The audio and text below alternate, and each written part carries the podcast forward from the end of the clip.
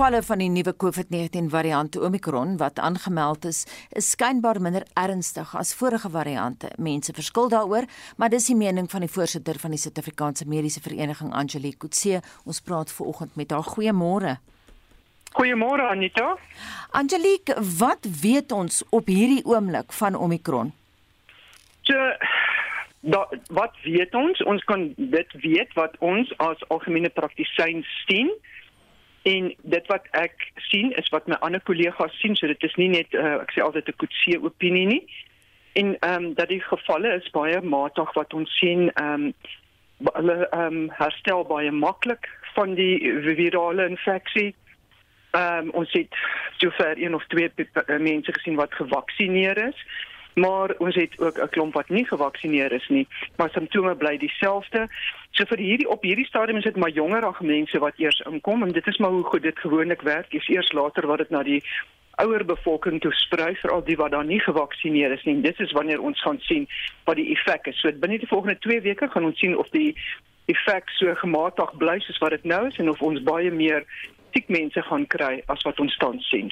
Uh, Angelique, uh, Tulio D'Oliveira van die Crispin Crispinstansie in KZN het verlede week al uh, getweet dat 90% van die nuwe COVID-19 gevalle in Gauteng die nuwe variant is.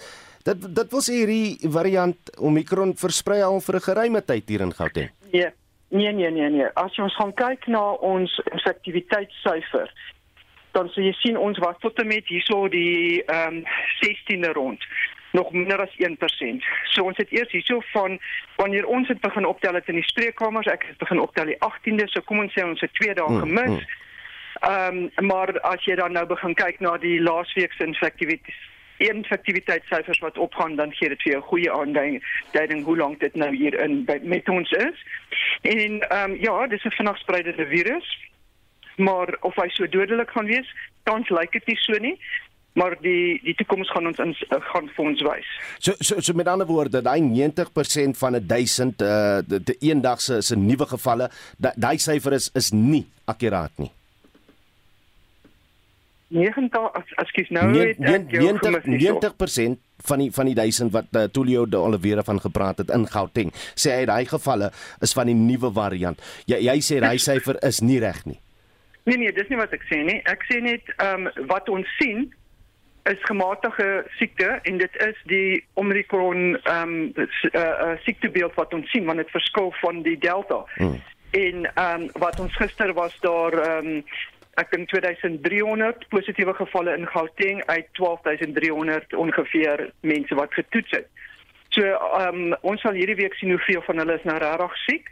Maar tot en dusver het ons nie regtig siek mense gesien nie. En jy weet ehm um, dit maak nou nie saak hoeveel die hmm, scientists hmm. van ons verskil nie. Dit is wat ons sien. Ehm um, jy weet uh, dit is wat ons op die grond sien ons kan nie sien wat die wetenskaplikes sien maar ons kan vir jou ja. vertel wat ons sien Ek wil uh, terugkom daarna toe. Ek het gister 'n lang gesprek gehad met Kloete van Vuur en jou goeie kollega in Bloemfontein. En uh, toe sê hy vir my daar is nou 'n wetenskaplike se naam is Trevor Bedford. Hy is van Harvard. En uh, hy sê dat die nuwe variant is nie eers vir die eerste keer op 11 November opgemerk nie. Hy praat van einde September enige reaksie op uh, wat Trevor Bedford daar sê? Hy sê sommer enige hierdie hy nie. Ek meen hy is verbonde aan Harvard. Ehm um, ek sien heeltemal met hom saam. Want onthou, almal maak asof dit in Suid-Afrika ontdek is. Dit is ah. nie hier ontdek nie. Ek is seker dit is al lankal in die ander wêrelddele. Die punt is net hulle fokus op Delta en die kliniese simptome van Delta en terwyl ons wat ons nou sien is matige simptome van Omicron wat jy maklik kan mis. Op die ou einde as jy in ICU beland, maak dit nie saak watter een jy het nie. Maar ehm um, dit is tog belangrik vir ons as algemene praktisyns om vooraf te weet ehm um, wat ons wat ons kan sien en wat ons gaan sien en wat ons moet maak met wat ons gaan sien. Die groot vraag natuurlik is wat gaan Omicron se impak wees op die grond? Wat gaan dit wees op eh, voedselvlak by die hospitale? Tans, wat is die situasie wat wat wat in Suid-Afrika heers by ons hospitale? Geen impak tans by die hospitale nie. Ehm um, as ek sê geen impak nie, dan beteken dit hulle het so oor die naweek weet ek het daar so van die hospitale in die Pretoria ehm um, area twee of drie pasiënte as dit by 3 is. Hmm. Ek weet van twee pasiënte wat opgeneem is.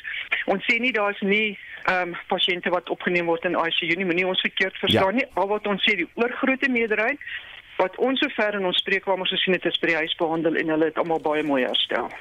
Angelique, hoe veilig is ons wat twee keer ingeënt is, die volle inentings gehad het? Weet julle al presies of verskil wetenskaplikes daaroor? So daai vraag kan ons ook eers kan beantwoord uh, hier teen in hoekom omdat mense wat geïmmuniseer is wat dan heuvelrokinfeksies kry, moet ons aanmeld um, by uh, eh, NICD. Nou NICD is 'n uh, direkte verbinding met die rekenaarstelsel van die immuniseringsrekenaarstelsel, so hulle kan daar begin trace en kyk hoeveel mense het positief getoets en dan gaan dit afhang natuurlik hoeveel van daai mense opgeneem word want dit is tog op die einde van die dag jou vaksinne moet jou beskerm teen um, erge siekte, hospitalisasie en dood. Mm. Ons het nog nooit gesê die vaksinne gaan jou 100% beskerm of so goed beskerm teen matige siekte nie. En sover die wat ons gesien het wat ingeënt is het matige siekte. Mm. Baie dankie. Ons sal beslis 'n opvolggesprek met jou hê. Dit dan die voorsitter van die Suid-Afrikaanse Mediese Raad, Dr. Angelique Kutse. 18 minute na 7 ons bly by die president Cyril Ramaphosa se toespraak wat gisteraand uh, uh, en ontleed dit nou met die hulp van Rou Roland Hanwood van die Universiteit van Pretoria se departement politieke wetenskap. Uh Roland, goeiemôre, welkom by Monitor. Goeiemôre, baie dankie. As ons nou opsom wat ons president gisterand gesê het, geen verandering in die inperkingsvlak nie. Ehm um, gaan kry nou jou enstof of anders word jy miskien verplig om dit te doen.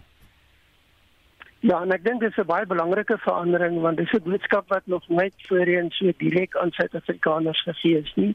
Die boodskap was nog altyd die geleentheid is daar maak daarvan gebruik. Ons vra mense ehm um, die president het nou 'n baie direkte verband getrek tussen inentings en die maatreëls wat moontlik geneem kan of moet word. Hmm.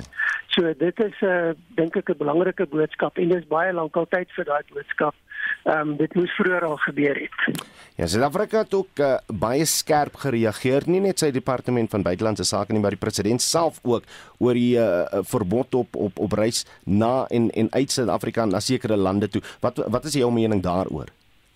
Ek dink daar's twee belangrike aspekte. Die eerste is dat Suid-Afrika kan met reg ontevrede voel en voel asof ons is wat die president gesê onregverdig teen gediskrimineer word want dit is daar geen aanduiding dat dit iets is wat beperk is tot Suid of Suider-Afrika of dat selfs hier ontstaan het nie. Ehm um, die feit dat die boodskap van hier af kom word gesien as die rede vir die optrede. Aan die ander kant kan 'n mens seker nie regerings verkwalik wat baie ernstig en vinnig reageer nie. Ehm um, ons weet dat die ehm um, Europa is nou in 'n vierde vlaag met geweldige hoë vlakke van infeksie, nie die ernstige siekte toestande en nie die vlak van dood wat ons vroeër gesien het nie, maar baie hoë vlakke van infeksie. Hmm. En en en dit is nodig vir regerings om te wys dat hulle optree om hulle eie stelsels te beskerm en ook hulle burgers te beskerm. Die ongelukkigheid hiervan is dat daar is nog nie regtig sekerheid oor hoe ernstig is die nuwe variant en wat dit gaan doen nie, maar dit het onmiddellik tot reaksie gelei. En dan miskien 'n verwante punt is natuurlik iets wat die Britte gesê het en mense in Suid-Afrika moet daarna ook luister. En dit is dat ons reageer op Suid-Afrika want ons is bewus daarvan dat die uh, mense is nie regtig lus vir die um, vaksinering nie. Hulle neem dit nie so vinnig op nie.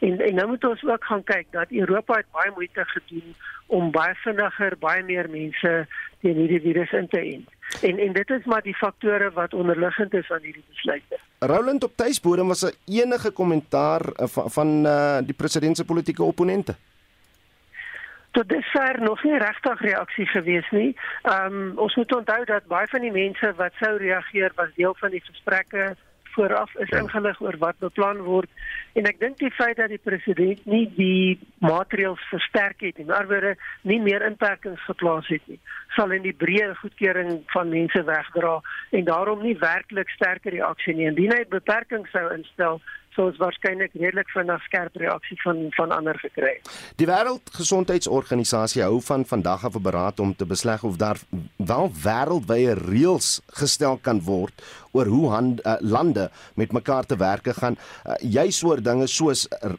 reisverbod. Uh, ons werk tot hede nog op riglyne en nie reëls nie. Dink dink jy hierdie hierdie tipe gesprekke sal sal vrugte werp? Dit kan vrugte afwerp. Um, ek dink dit is belangrik dat daar sulke reëls en en riglyne kom. Um, kom ons kontrasteer die feit dat ons weet China het aanvanklik voete gesleep en nie die inligting bekend gemaak op die manier wat hulle later voorgegee het hulle het dit bekend gemaak toe Covid begin het nie. Ehm um, en dit wys vir ons die, die negatiewe gevolge daarvan is baie duidelik. Aan die ander kant kom Suid-Afrika as gevolg van ehm um, laboratoriumwerk wat hier gedoen is, maak dit bekend en die persepsie is nou word ons daarvoor gestraf. Hmm. So daar's 'n baie groot gaping tussen die ideale en die werklikheid. En en dit beteken dat hierdie tipe ooreenkomste en riglyne belangrik is. Die nadeel is egter dat dit nie afdwingbaar is nie. En dit beteken regerings kan nog steeds politieke besluite neem om sake te hanteer eerder as om besluite te neem wat op feitelike en wetenskapsgegronde inligting gebaseer is. En dis die leemte. En as ons wil sien hoe dit werk, dan kan ons net teruggaan na wat die president gisteraand gesê het.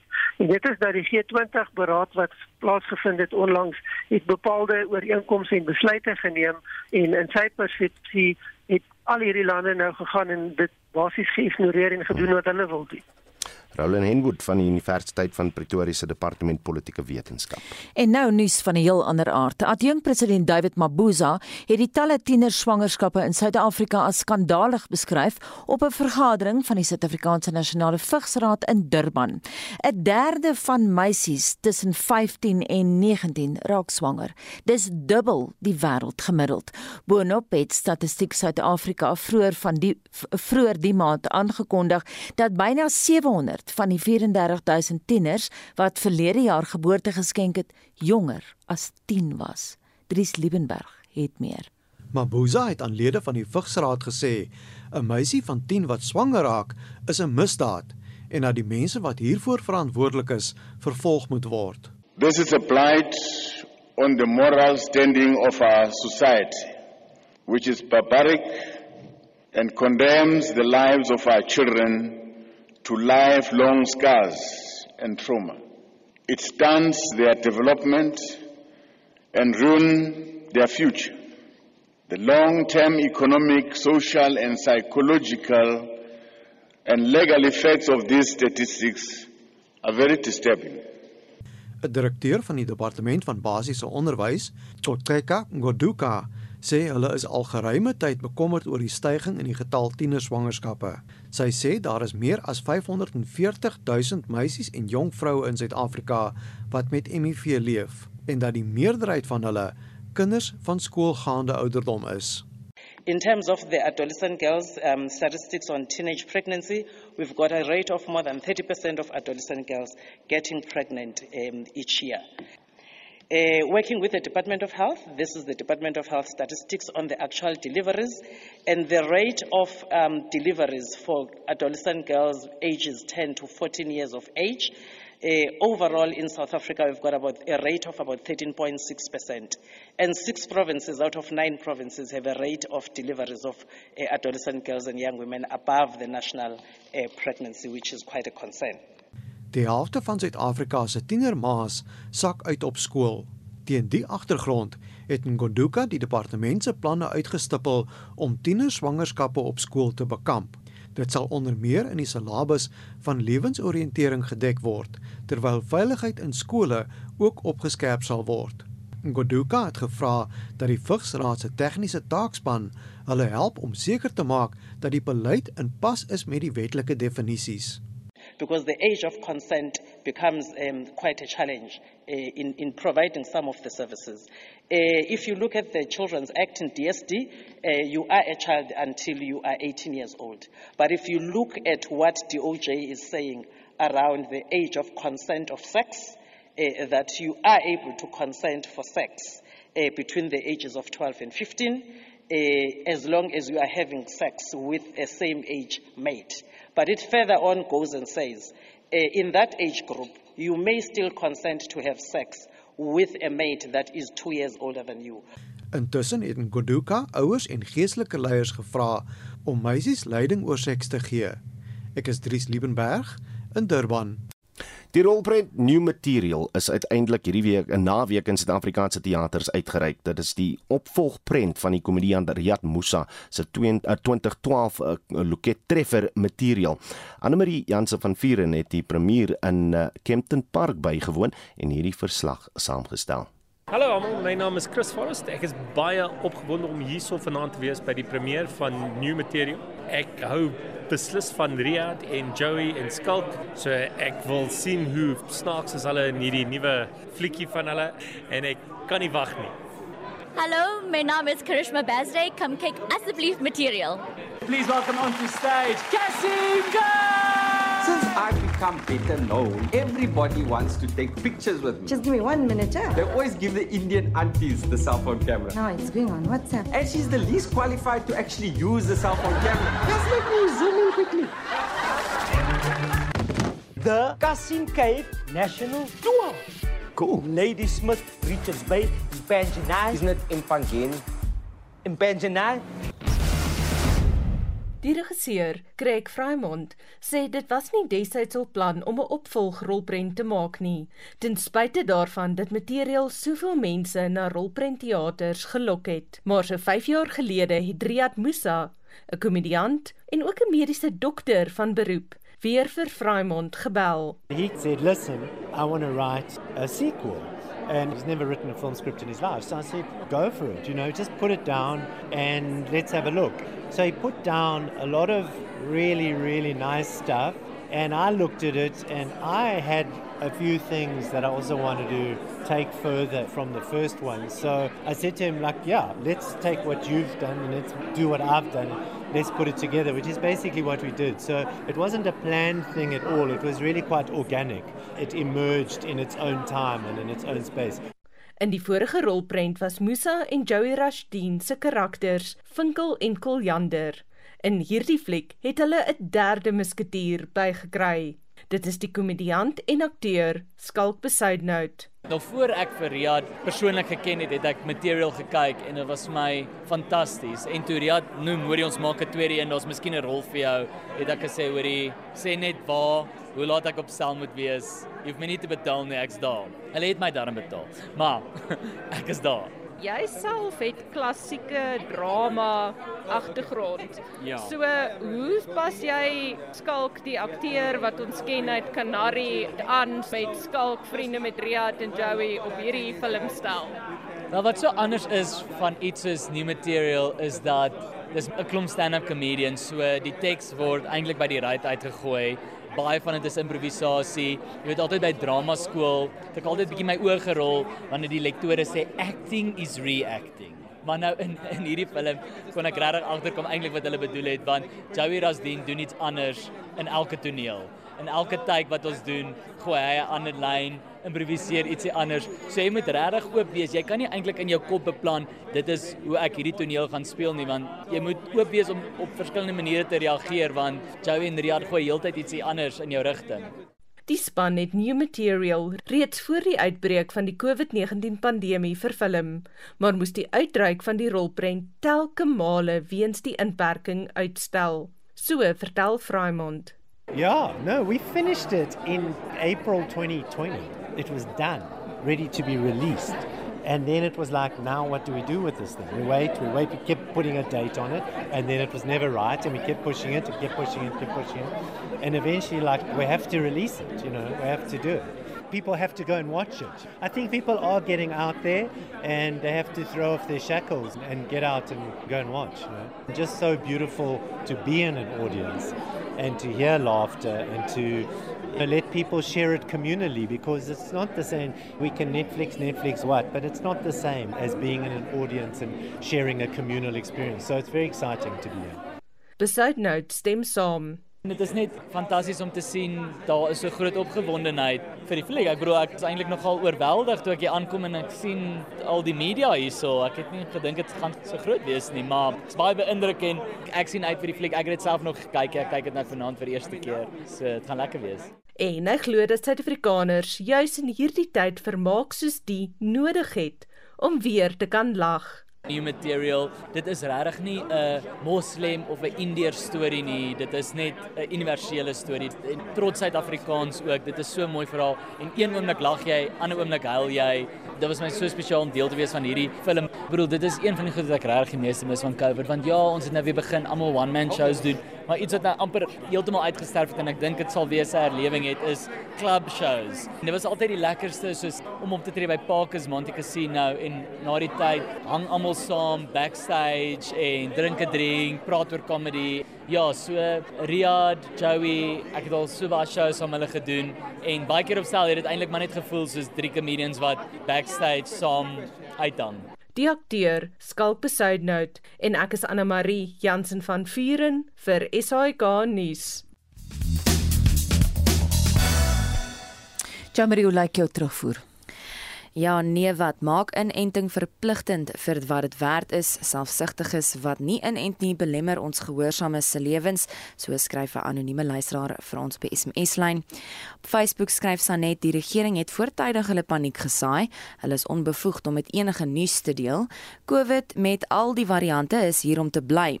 Om almal elke keer paniekerig te laat, bring geen stabiliteit in 'n reeds wankelende ekonomie nie. Bets Ferreira sê die nuwe variant is nie 'n verrassing nie. Dis van die begin af deur wetenskaplikes voorsien, maar die wêreld ooreageer nou, want die nuwe virus is al in baie ander lande ook gerapporteer. Reisgesiggers is nou in 'n panarrie en die sluiting van grense veroorsaak nou baie trauma en hartseer.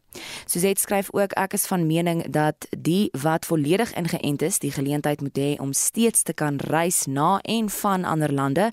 Beperkings op die wat nie die jab wil vat nie is nodig. Ja, ons weet nog min van die nuwe variant, maar moet ons eers meer weet en wag dat die dodetal eers weer die hoogte inskiet voor ons beperking uh, voordat ons uh, voor daar beperkings kom? Nee, werklik enige een wat so redeneer het nog nie iemand aan die dood afgestaan deur COVID nie of is net plain hardkoppig. En dan spring ons nou oor na die WhatsApp lyn toe kos luister. Ek dink elkeen van ons hoort nou te besef dat ons die verantwoordelikheid moet neem om ons te laat vaksineer en die protokolle na te kom. Ons sal moet 'n uh, kudde immuniteit in die land ontwikkel uh, alvorens ons totaal beskerm sal wees teen 'n komende een wat dalk nog gaan volg. So uh, mense moet nie uh, stubborn wees, dikvellig wees en net verby die klinieke loop en die hospitale en die biblioteke nie. Hulle behoort in te gaan en hulle te laat vaksineer. En al hierdie mites rondom die vaksines dat dit die, die teken van die diere is en daai goed die mense wat dit versprei behoort onmiddellik dit te staak want dis daardie mense wat baie mense beïnvloed. Lukas van Centurion hier. Ek ondersteun verpligte inentings ten volle. Verplig inentings met onmiddellike effek. Goeiemôre, Rensha Liebenberg hier van Johannesburg. Ek is baie baie bang vir die nuwe variant, uh, maar ek voel uh, die polisie moet asseblief tog strenger wees op die mense in die strate wat sonder maskers loop. Ek werk by 'n kleuterskool. Hier's mense wat verby die skool loop sonder maskers. Hier's polisiekarre wat verby hulle ry. Hulle stop nie eers en maak die mense bang nie. Mense word bang, word bang. Goeiemôre, dis Susan van Barberton. Nee, wat ek is nie bekommerd oor hierdie nuwe variant nie. En nee, ek gaan my nooit laat inent nie. Die regering gaan my nie dwing nie. Ek is veilig. Vertrou maar net op die Here. Hy ken jou dag wat jy gebore is en die dag wat jy moet doodgaan. So geen bekommernis nie. Nou ja, dis dan van ons luisteraars se menings soos gedeel op die WhatsApp lyn. Doen so voort, ek is net vir ag terug met laaste ronde terugvoer. 21 minute voor 8. Ons praat nou 'n bietjie oor die wêreldnuus. Justin Kennedy staan by. Justin, goeiemôre. Gesondheidsministers van die G7 lande vergader vandag oor die nuwe COVID-19 Omicron variant. Ja, Udo, die doel van hierdie vergadering is om te bespreek watter moontlike en nodige stappe gedoen moet word om die nuwe variant te beheer. Frankryk, Switserland en Kanada het intussen bevestig dat die variant by hulle opgemerk is en Amerika het ook nou reisbeperkings teen Suidelike Afrika lande ingestel in 'n poging om die verspreiding van die virus te keer. 'n Epidemioloog en raadgewer vir die Wêreldgesondheidsorganisasie, professor Mary Louise McLaws, verdedig die reisverbod. I know that South Africa feels as if they're being uh, singled out, but quite frankly, we do need to protect them and other low income countries that have very little uh, vaccine uptake that could protect them. And also, border closures also protect countries that haven't got herd immunity. Nou Israel het alle buitelanders verbied om die land vir 'n tydperk van 14 dae te besoek. Nou die verbod is reeds van krag. En in 'n afsonderlike geval het die Nederlandse polisie 'n egpaar wat van Suid-Afrika gereis het, in hegtenis geneem en na hulle uit 'n kwarantainhotel ontsnap het. Die arrestasie is op 'n vliegtuig gedoen net voor hulle vertrek het. En dan sien ek die FSA en Iran wil gesprekke hervat oor hulle kernkragooreenkoms. Ja, die uiters belangrike gesprekke met Iran om die ineenstorting van 'n kernkragooreenkoms te voorkom, sal na 5 maande in Wene hervat. Nou die VSA moet besluit of hy die 2015 ooreenkoms weer sal aanvaar wat Iran se kernaktiwiteite beperk in ruil vir die opheffing van sanksies. Nou jy onthou Iran het sleutelverpligtinge geïgnoreer sedert die destydse president Donald Trump in 2018 aan die ooreenkoms onttrek en Amerikaanse sanksies weer ingestel het. Nou, president Joe Biden is bereid om die sanksies op te hef as Iran die oortredings omkeer. Iran wil egter hê dat die VSA die eerste stap moet neem en westerse diplomate waarsku dat die tyd min raak om 'n oplossing te beding as gevolg van die beduidende vordering wat Iran gemaak het in sy Iran-verrykingsprogram wat 'n moontlike pad na 'n kernbom is. Iran dring egter daarop aan dat sy kernprogram heeltemal vreedsaam is. En laastens uh, as jy Bill Clinton is, sit jy vandag op uh, etekole of nie want ek sien die Britse sosiale vlinder Ghislaine Maxwell se uh, seksverhoor begin vandag. Ja, Maxwell sal in New York tereg staan op aanklagte van sekshandel en ander misdade. Sy sal na verwagting beweringe betwis dat sy minderjarige meisies uitgesoek het vir seksuele misbruik deur die veroordeelde pedofiel Jeffrey Epstein. Hy is in 2019 in die tronk dood. Nou Maxwell is sedert daar in hegtenisname verlede jaar in 'n Amerikaanse tronk in afwagting op die hoë profiel verhoor van 6 weke. Sy het onskuldig gepleit op al die aanklagte teen haar en uh, geen kameras word in die hof toegelaat nie, so jy sal dit nie op TV kan kyk nie. Dit dan Justin Kennedy met vandag se wêreldnuus.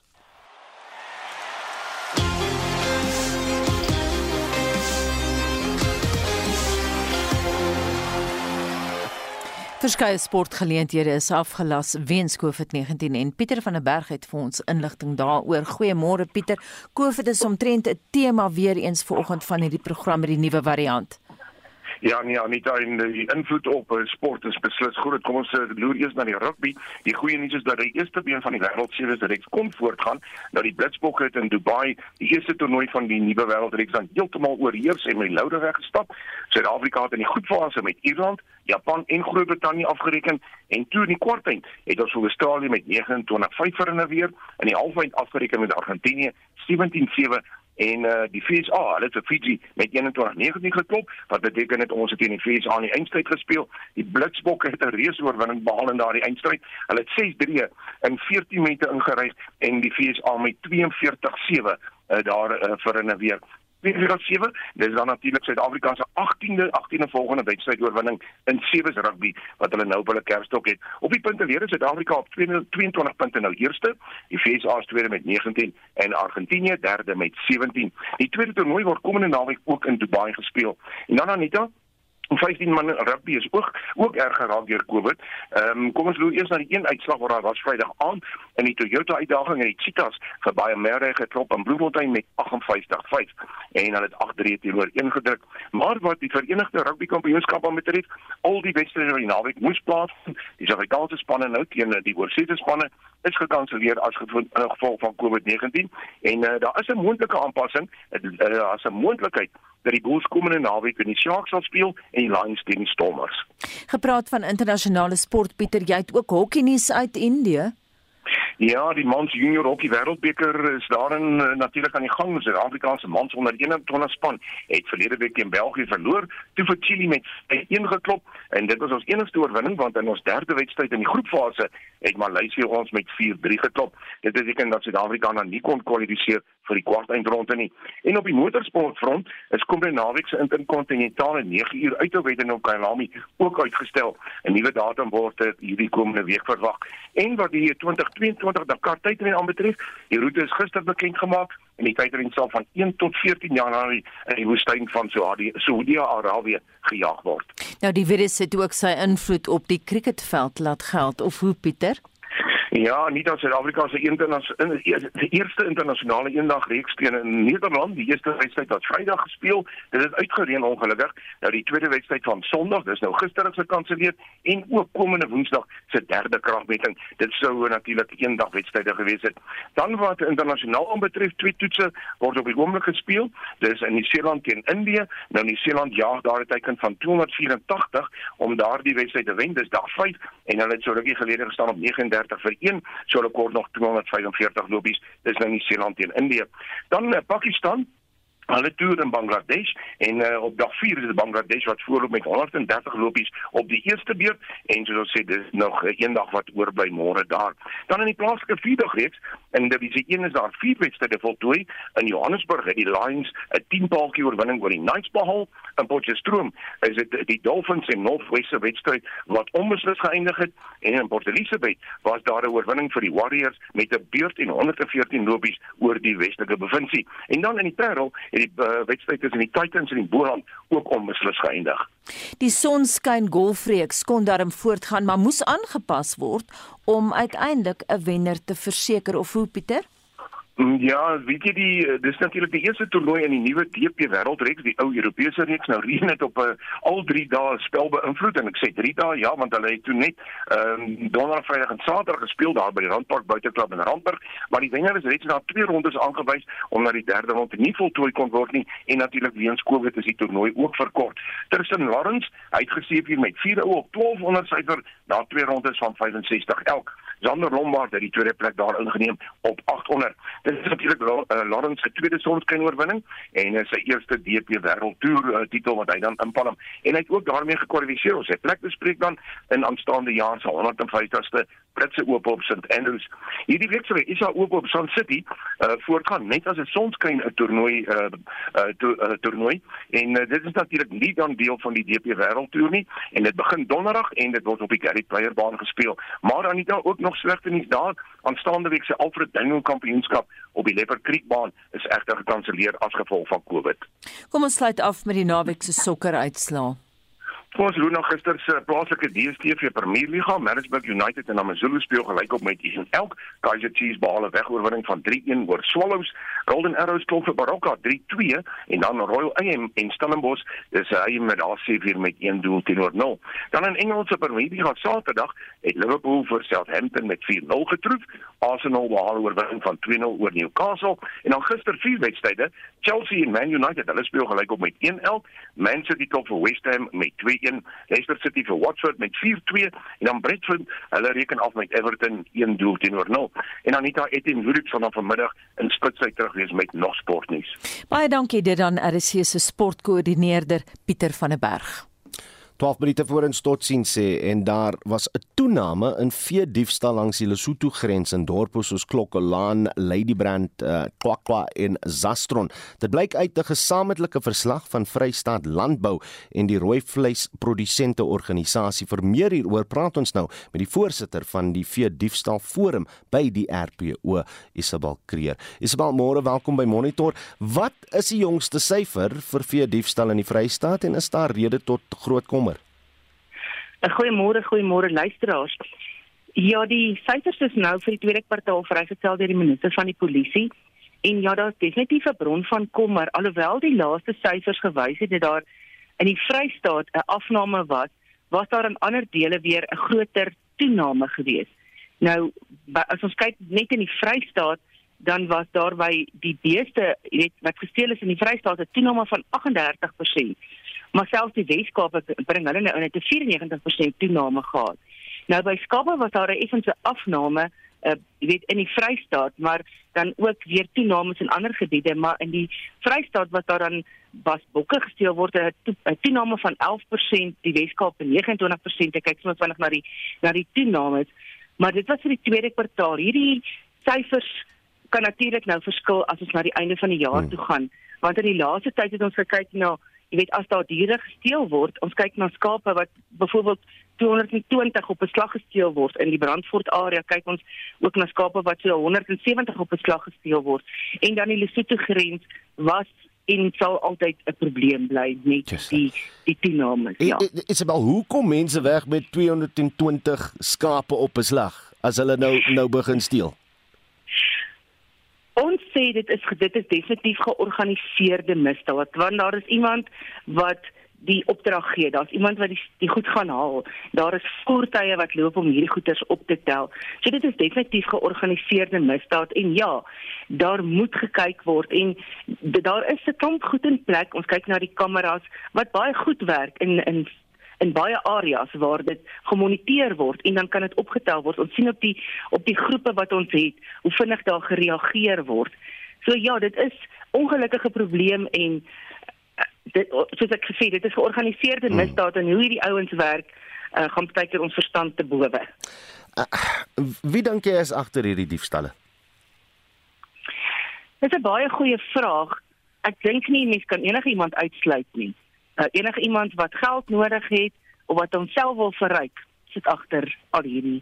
Ek wil nie iemand spesifiek uitsorteer, net uitsonder nie, maar daar is in al die sektore van van ons samelewing is daar iemand wat homself verryk uit vredestal. Verleen die polisie die nodige bystand in in die verband of dit nou direk aan die boere is of aan julle as die veediefstal forum? Almal weet dat daar 'n tekort aan SAP-lede in in die land is en dit is nie net die Vrystaat nie, dit is landwyd. En ons weet daar is 'n tekort aan voertuie. So daar is in baie gevalle wat ons kry en almal het 'n probleem om te sê, maar daar is nie gou genoeg reaksie nie. Aan die ander kant wil ek ook sê dat in die Vrystaat het ons begin met 'n groot samewerkingsooreenkoms, ehm uh, waar SAPD-lede sit, uh, waar Vrystaat Landbou sit en waar die RPO, die Vredestal Forum sit. En dan is daar boere uit seker ons het gekyk na wat is die ons noem dit die hotspot areas en in daardie gebiede het ons begin om groepe nou saam te stel. Nou ons noem dit die SAPD aktiveringsgroep. So almal is nie op daardie groep nie. Hmm. Dan inligting word soontoe versprei en dan word dit onmiddellik moet daar 'n aktivering kom van die polisie. So ons kan ook sien ehm um, wat gebeur.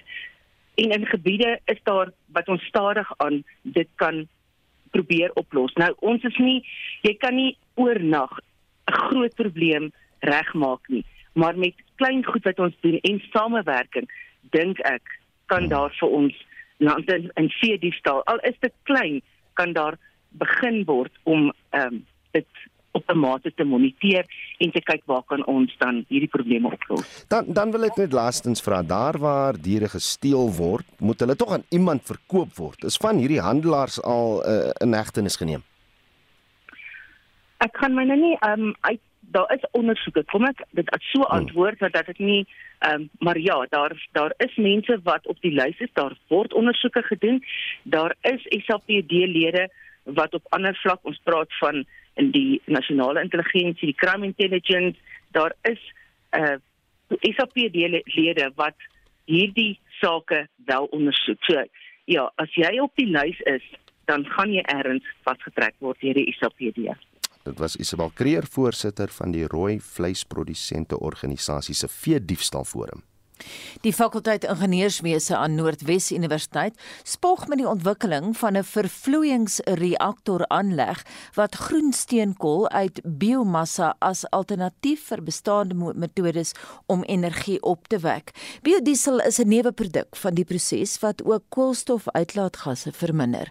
Wetenskaplikes hoop dat beerkrag iets van die verlede sal word omdat groen steenkool uit organiese afval vervaardig word en boonop waterbestand is. Hendrik Martin het meer. Die land beplan om die gebruik van steenkool vir kragopwekking uit te faseer. Die plan is om 34 gigawatt van steenkoolgedrewe kapasiteit teen 2050 uit te skakel. Hernubare energie is die alternatiewe opsie.